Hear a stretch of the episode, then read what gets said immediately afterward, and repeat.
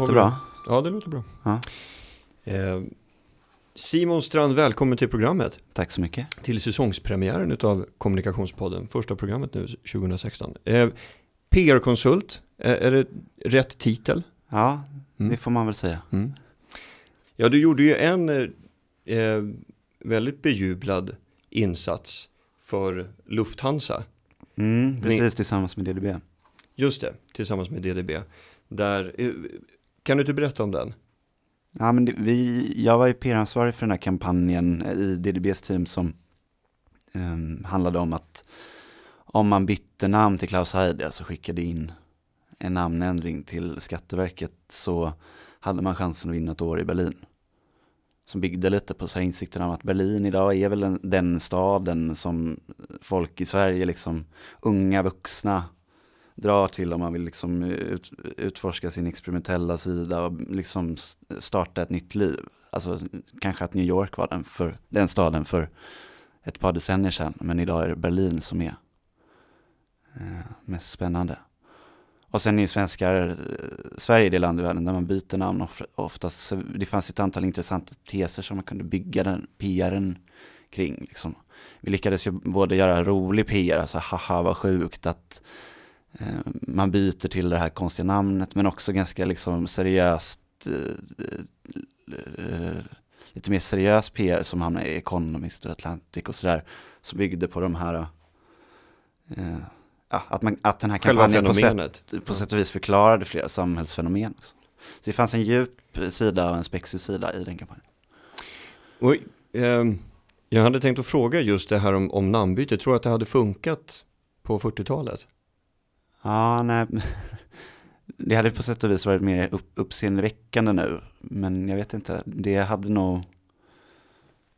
För jag ja, tänker, det, det här är bara en, en eh, liten kort analys från avbytarbänken. Mm. Men det, det känns som att det berättar ju väldigt mycket om vår tid. ja, precis. Att, du kan, att, att människor enkelt kan med en, kommersiellt, eh, med en kommersiell avsändare eh, ändå gå med på att byta sitt förnamn Mm. och kallas för, nu höll jag på att säga Klaus Kinski, men det är ju en annan person, Klaus Heidi. Ja. Eh, Ja, men det, det är det där, eh, det, det hänger ihop lite med det jag pratade om tidigare, att så här, kommunikation måste vara någonting som görs på riktigt nu för att det ska få effekt.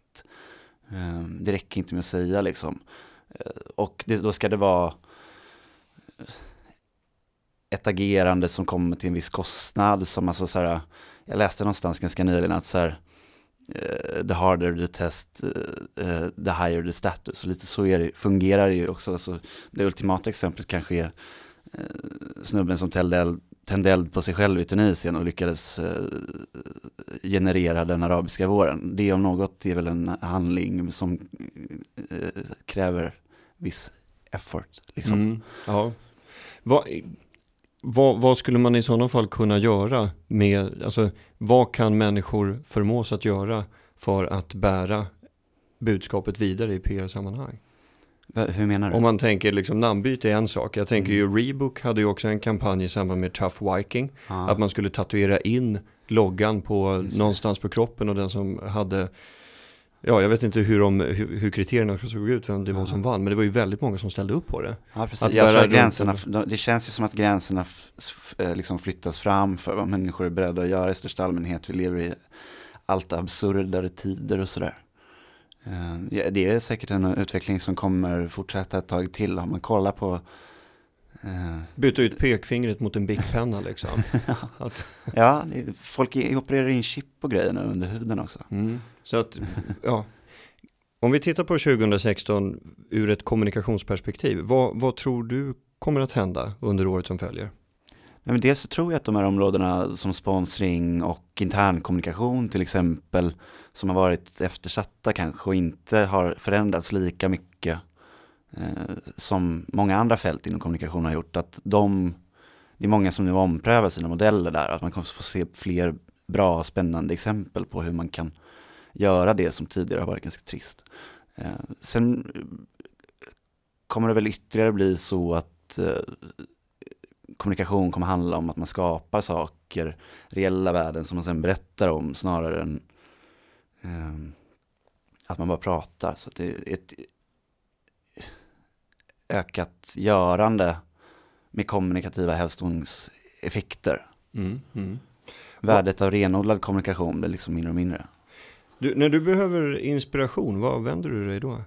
Ja, det är en bra fråga. Jag, jag börjar mer och mer dela Jan Guillous bild. Han skrev någon gång i Aftonbladet att inspiration är för amatörer. Att så här, eh, det handlar om att sätta sig och göra jobbet 9 till 5. Ja. Känns som en väldigt Jan Guillouig eh, sak att säga. Ja. Eh. Eh, Okej. Okay. Men, men tror du inte att man behöver input från, från andra håll då? Jo, ja men det är, det är klart det är så också. Eh, jag tror att jag har blivit kanske lite mindre kreativ de sista åren. Att jag istället försöker utveckla min analytiska sida. Så jag läser väl mycket. Eh, mycket tråkiga artiklar. Varför då? Och, och, det är intressant, det, det, det stödjer då din tes att man faktiskt behöver inspiration för att vara kreativ. Uh, och just det där går i vågor för mig, att ibland så kanske jag har mer inspirationsorienterade faser och ibland mer, uh, vad ska man kalla det, logikdrivna faser. Var, varför tror du att du har blivit mindre kreativ då? Um, jag vet inte, jag tror att uh, det var mycket spexande och så här. Jag jobbade mycket med sådana kampanjer för ett par år sedan och det, det är väl som alltid ett så här gräset är grönare i den andra påsen som vi brukar säga i Hässelby att uh, när man har uh, ja, när, när, man har kört en grej ett tag så vill man göra en annan. Mm. Jag har aldrig hört det där förut. Gräset är grönare i den andra påsen. Ja. Um, uppväxt i Hässelby. Mm. Uh, bodde du där hela Ja. Bott där hela livet tills du flyttade hemifrån eller? Ja, precis. Även om jag bott på olika ställen i Hässelby. Och uppväxt med, med din mamma bara? Ja, precis. Ja. Um, du, hur, vill du beskriva, hur var det? Växa upp i Hässelby? Eller min mamma har i och för sig haft två olika sambos. Bara den senare också man. Mm. Alltså, nu blir det jättesom att ja, men det är, kvinna. Ja men det är ju bara att gratulera. ja, nej men, eh, ja, var gift med, eller är gift med den senare av dem. Ja, just det, precis. Mm. Men, men jag tänker, vill du beskriva, hur var det? Växa mm. upp i Hässelby? Um, nej, men jag var väl ganska stökig i tonåren. Även om jag inte var stökigast. Det var svårt att vara. Eh, konkurrensutsatt situation. Just det, i Hässelby menar du? Eller? Ja. ja. Men, men, men stökig på vilket sätt menar du? Nej, men man var väl i kontakt med polisen ibland, stök i skolan. Um, Varför då? Jo, eh, gjorde saker ganska tidigt, du vet så här.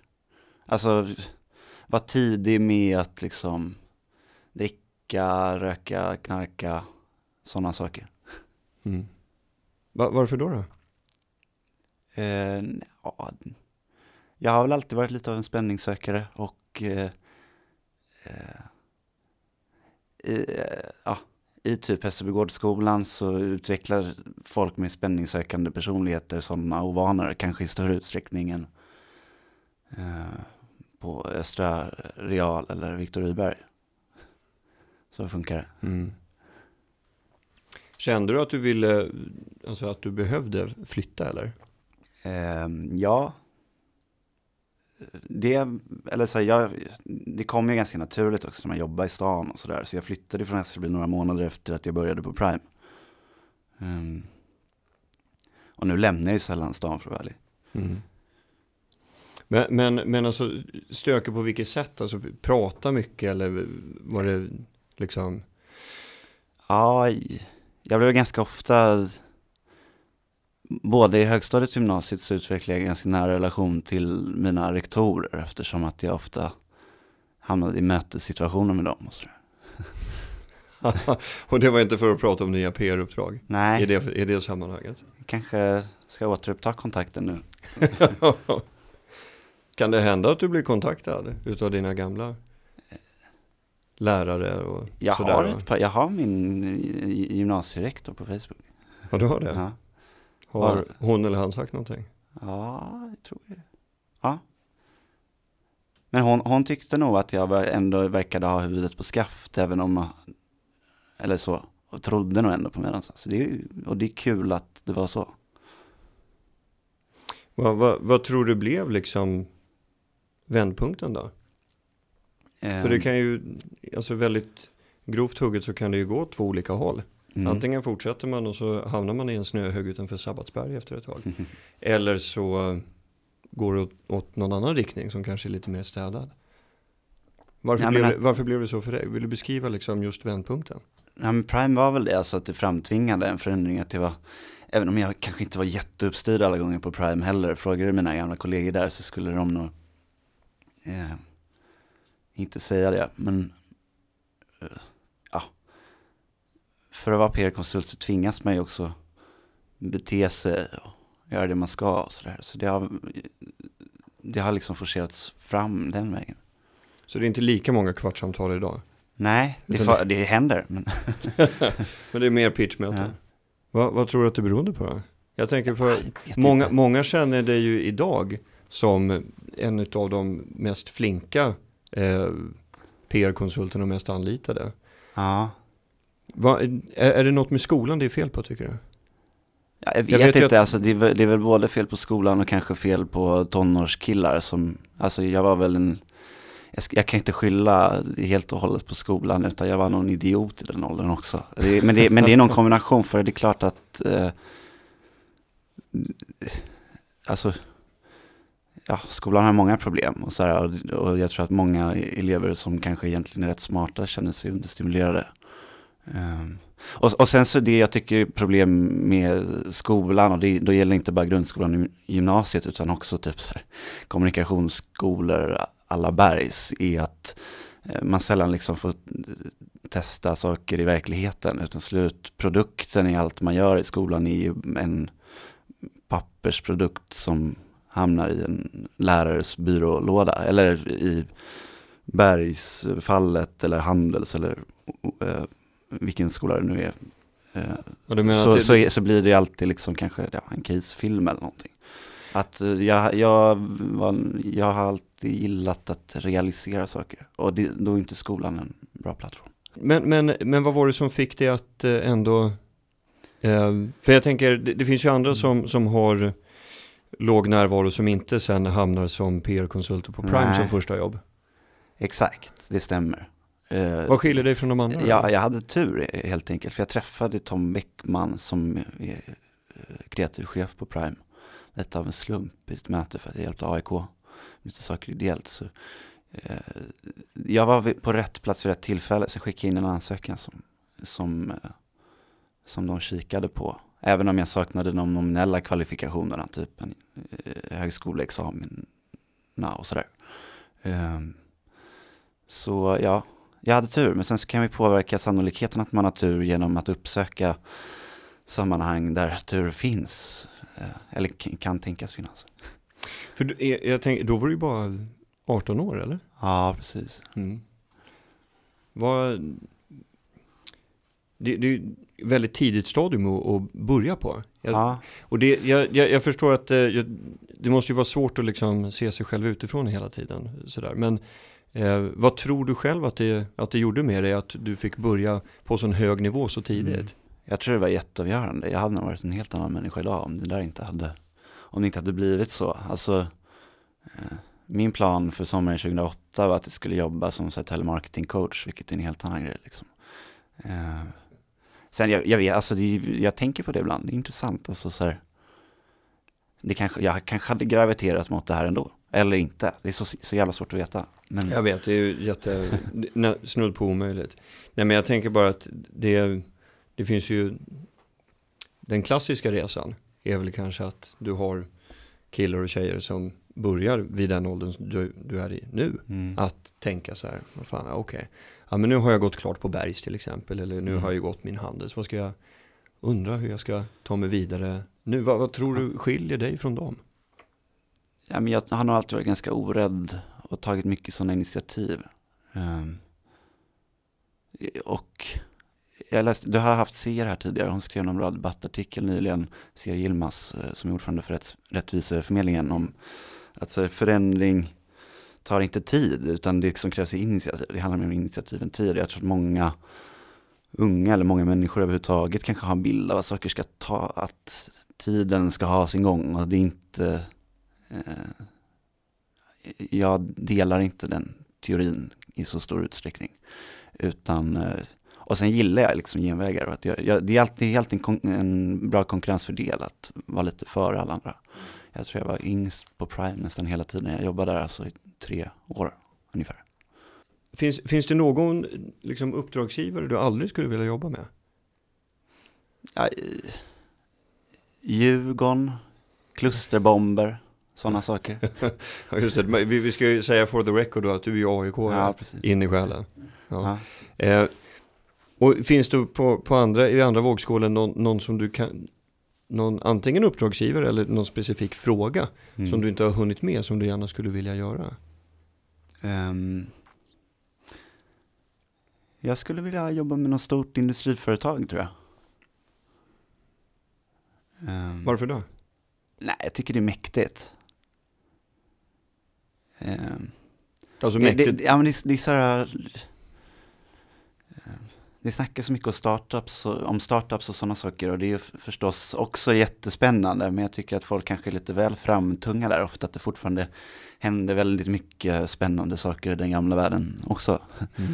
Mm. Ehm, så det, ja, det, är inte, det är inte mina kanske mest naturliga domäner och jag gillar att kanske söka mig till oexploaterade fält. Um, så av den anledningen hade det varit jobb, roligt att jobba med ett stort uh, industriföretag. Så det kan vara så att vi om ett par månader kommer se dig bakom ritbordet ja. på SSAB uppe i Sundsvall alltså? ja, får hoppas. Du, hur, hur landar man en bra pitch? Vad skulle du säga?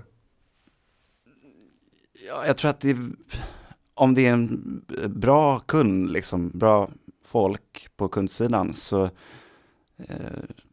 ska man väl gå emot kanske vissa av deras egna analyser, bilder av saker och ting. Kontra med en bättre och lite så här annorlunda bild av saker. Så jag tror att det handlar om att vara lite konträr, sådär, ge tuggmotstånd. Vad, vad händer i veckan? Vad har du framför dig? Ja, nu i närtid? Um... Han tar fram kalendern. jag, jag, vet ofta inte vad jag ska göra mer än några timmar framåt. Idag så tänkte jag, amerikanska ambassaden anordnar ett seminarium som jag inte hinner gå på. Så jag ska till Solna och ha AIK-möte. Sen hade, skulle jag ha en after work som jag ska ställa in. Imorgon har jag lunch med Jenny som är chefredaktör på Nöjesguiden. Jag ska vara hennes bollplank lite i ja, olika Nöjesguiden relaterade frågor. Ja just det, du är krönikör där ja. Eller jag har en blogg där, en sporadisk blogg. blogg. Sen så har jag nu sen nyligen börjat skriva kolumner för Metro. Uh, imorgon har jag lite möten och grejer. Uh, om guldägget bland annat. Jag hjälper reklambyrån Volt med uh, guldäggskampanjen. Varje år är det en byrå som, som gör kommunikationen kring guldägget. Ja men vad schysst. Ja. Eh, Simon Strand, PR-konsult, stort tack för att du ville vara med i den här säsongspremiären av Kommunikationspodden. Tusen tack.